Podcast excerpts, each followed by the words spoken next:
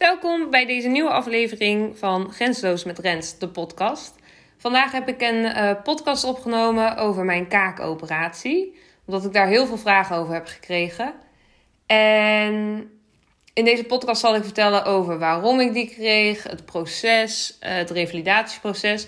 Maar ga ik ook wat dieper in op het herstelmechanisme van het lichaam, omdat dat eigenlijk op verschillende klachten van toepassing is.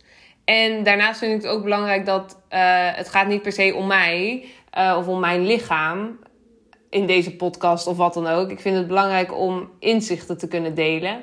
Dus aan de hand van deze podcast hoop ik dat ik uh, jullie wat meer inzichten kan geven in het proces van een operatie, maar ook wat dat lichamelijk met je doet. Veel luisterplezier!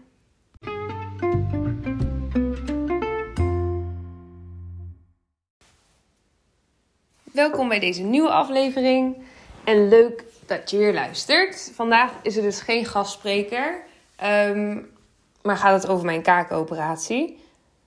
Want daar kreeg ik best wel veel vragen over aan de hand van de reel die ik had gemaakt op Instagram um, via mijn uh, platform The Wow World.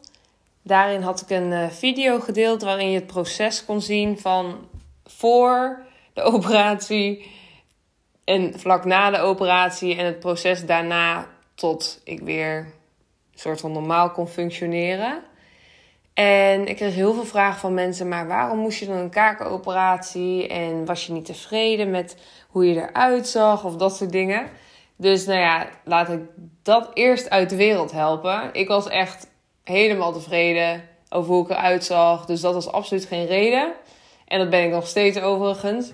Alleen, um, ik had een kaakoperatie nodig omdat ik heel veel overbeet had. En die overbeet die werd eigenlijk alleen maar erger. Dus mijn onderkaak die trok steeds meer terug. En dat was al wel een proces van jaren. Alleen toen ik op reis was, toen begon ik me er wel een beetje aan te irriteren. Want mijn kaak begon te knakken. Als ik op mijn zij lag, dan moest ik die soort van goed klikken. Um, hoofdpijn kreeg ik ervan.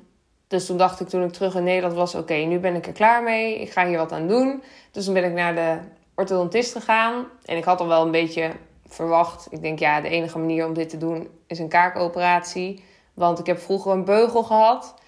Um, omdat ik twee melkkiezen moest laten trekken. Want mijn gebit was niet zo goed. Alleen, wat bleek nou? Er zaten geen grote, grote mensentanden, zeg maar. Grote mensenkiezen onder. Dus ik hield twee gaten over. Um, nou is dat een ding wat bij ons in de familie veel voorkomt. Kiezen missen. Waarom weet ik niet, maar goed. En um, dus toen zeiden ze: Oké, je moet een beugel om die gaten dicht te trekken. Want je kan niet zonder uh, of met die gaten normaal eten functioneren. Dus dat hadden ze toen gedaan. Maar het gevolg daarvan was dat ik dus overbeet kreeg. En dat moest toen met elastiekjes worden opgelost. Nou, uiteindelijk ging die beugel eruit met dat ik nog 5 mm overbeet had. Toen de jaren daarna, toen werd dat wat groter.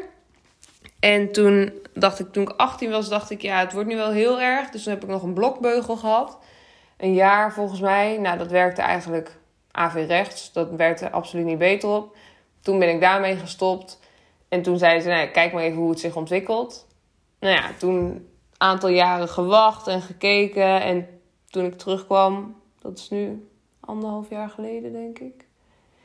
Zoiets. Toen uh, dacht ik, oké, nu is het tijd. Dus ik naar de ortho. Die zei inderdaad, oké, een beugeltraject en een kaakoperatie. Beugel zou ik een half jaar moeten hebben voor de operatie... om mijn tanden in de juiste positie uh, te zetten. En dan zou ik geopereerd worden en dan nog zes tot tien maanden daarna die beugel. Dus die beugel die bleef erin, of die blijft erin tijdens de operatie. Um, dus dat traject gestart. Nou, toen kwam corona natuurlijk. Dus toen is die um, operatie een aantal keren uitgesteld. Waardoor ik uiteindelijk dus na een jaar de operatie kreeg. Dus een half jaar voor niks met die beugel liep. Waar ik eerst me soort van kon erg over kon ergeren. Maar ja, aan de andere kant dacht ik, ja, deze operatie is niet van levensbelang. Dus ik snap dat die uitgesteld wordt.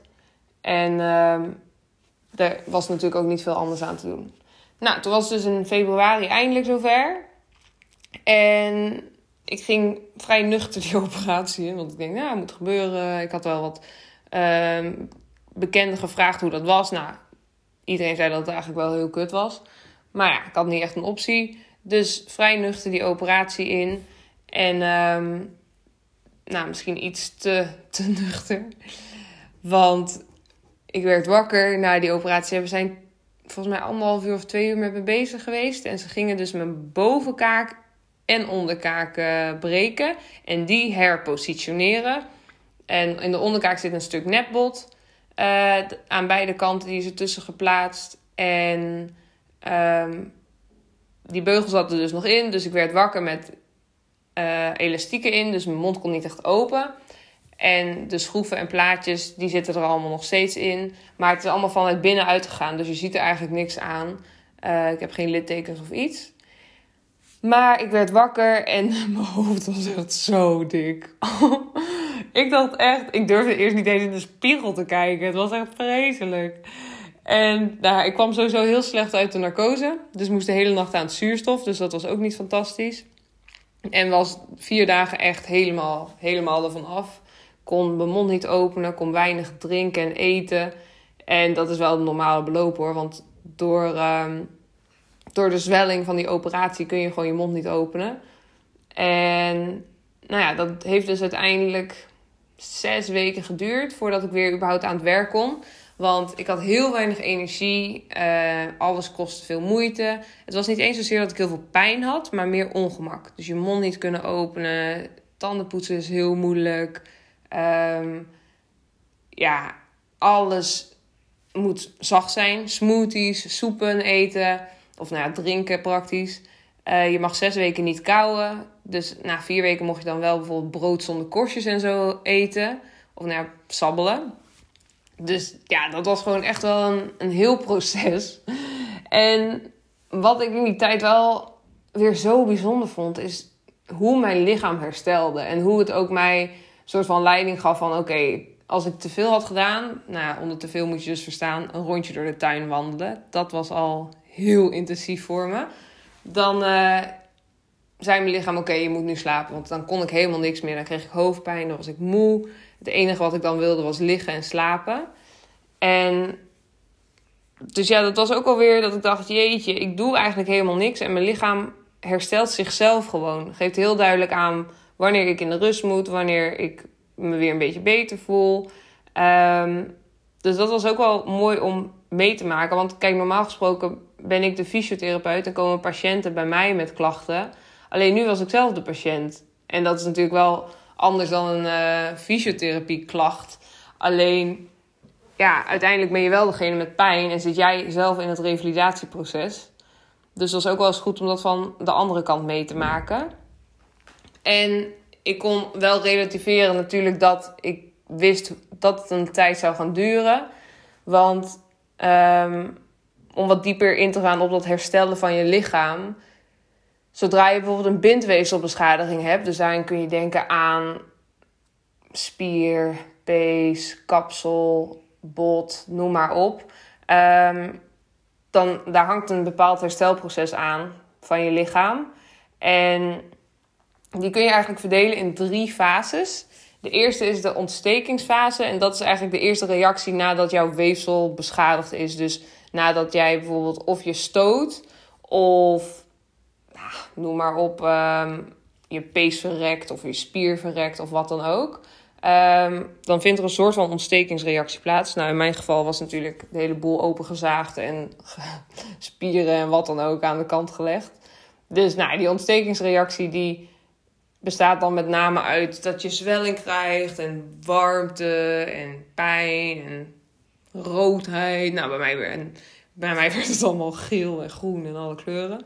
En die ontstekingsfase die kan zo tot 10 dagen duren. Nou, bij mij duurde dat ook ongeveer zo. Um, na 10 dagen nam de zwelling eindelijk een beetje af, waardoor ik ook makkelijker kon uh, bewegen. Maar ja, die ontstekingsfase dat staat gewoon in het teken van rust, bewegen op geleide van de pijn. Um, medicatie kreeg ik natuurlijk om ontsteking te remmen. Um, ja, eigenlijk was dat het voornaamste. Vanuit die ontstekingsfase ging ik over, en dat is bij ieder herstelproces eigenlijk zo, ga je over naar, nou, we noemen dat dan een proliferatiefase, um, waarbij er nieuw weefsel ontstaat.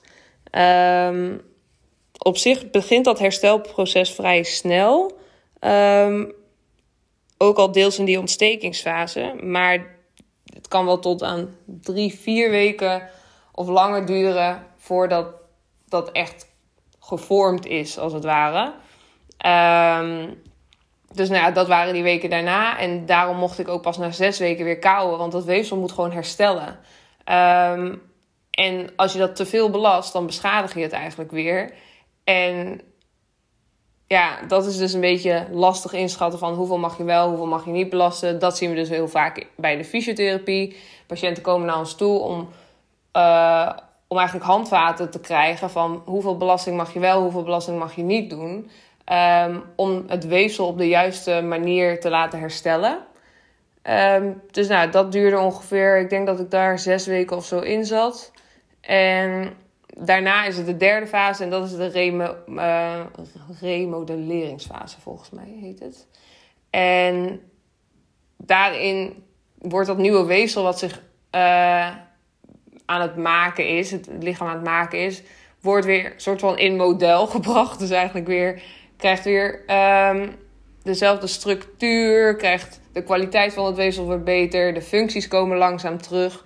Maar die fase, daarin had ik me enigszins, uh, die had ik enigszins onderschat. Want ik had eigenlijk verwacht, en dat is ook gewoon, dan denk je, oh ja, het maakt dus helemaal niet uit of je wel of niet al die kennis hebt.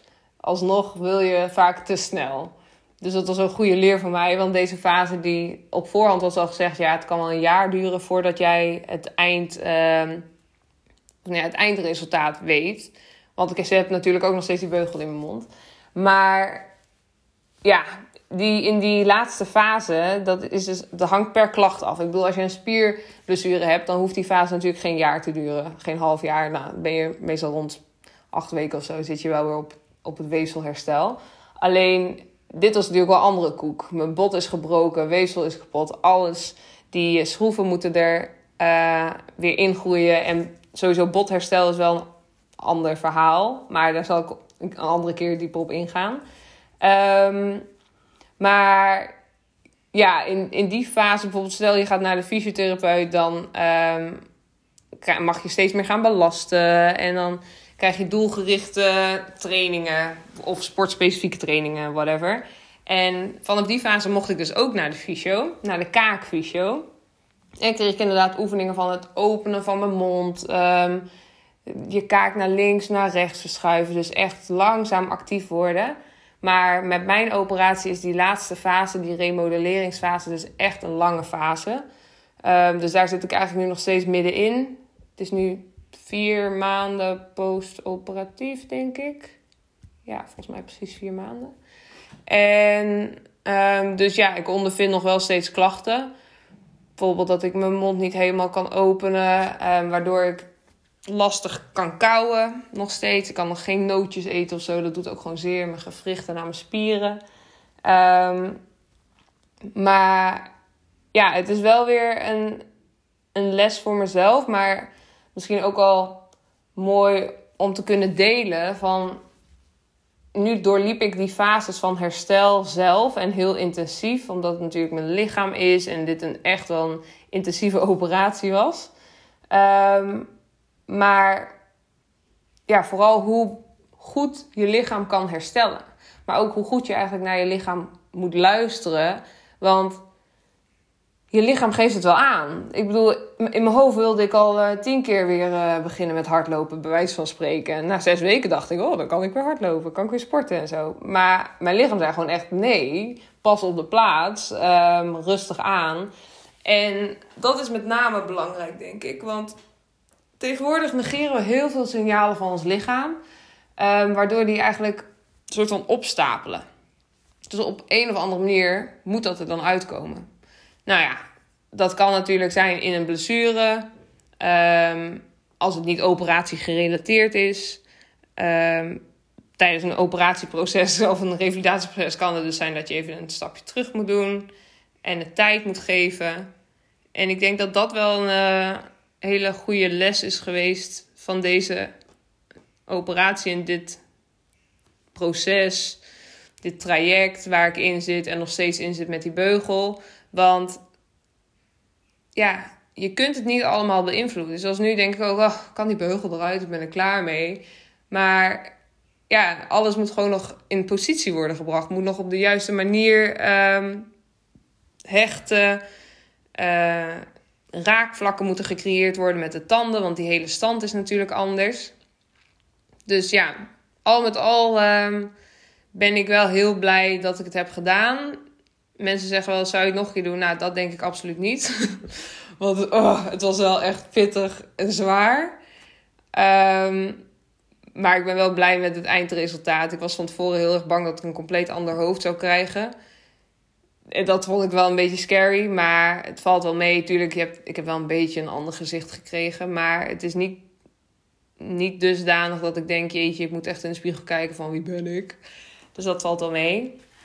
Um, dus ja, eigenlijk uh, is de kaakoperatie naar mijn... Ja, voor mijn gevoel wel goed geslaagd.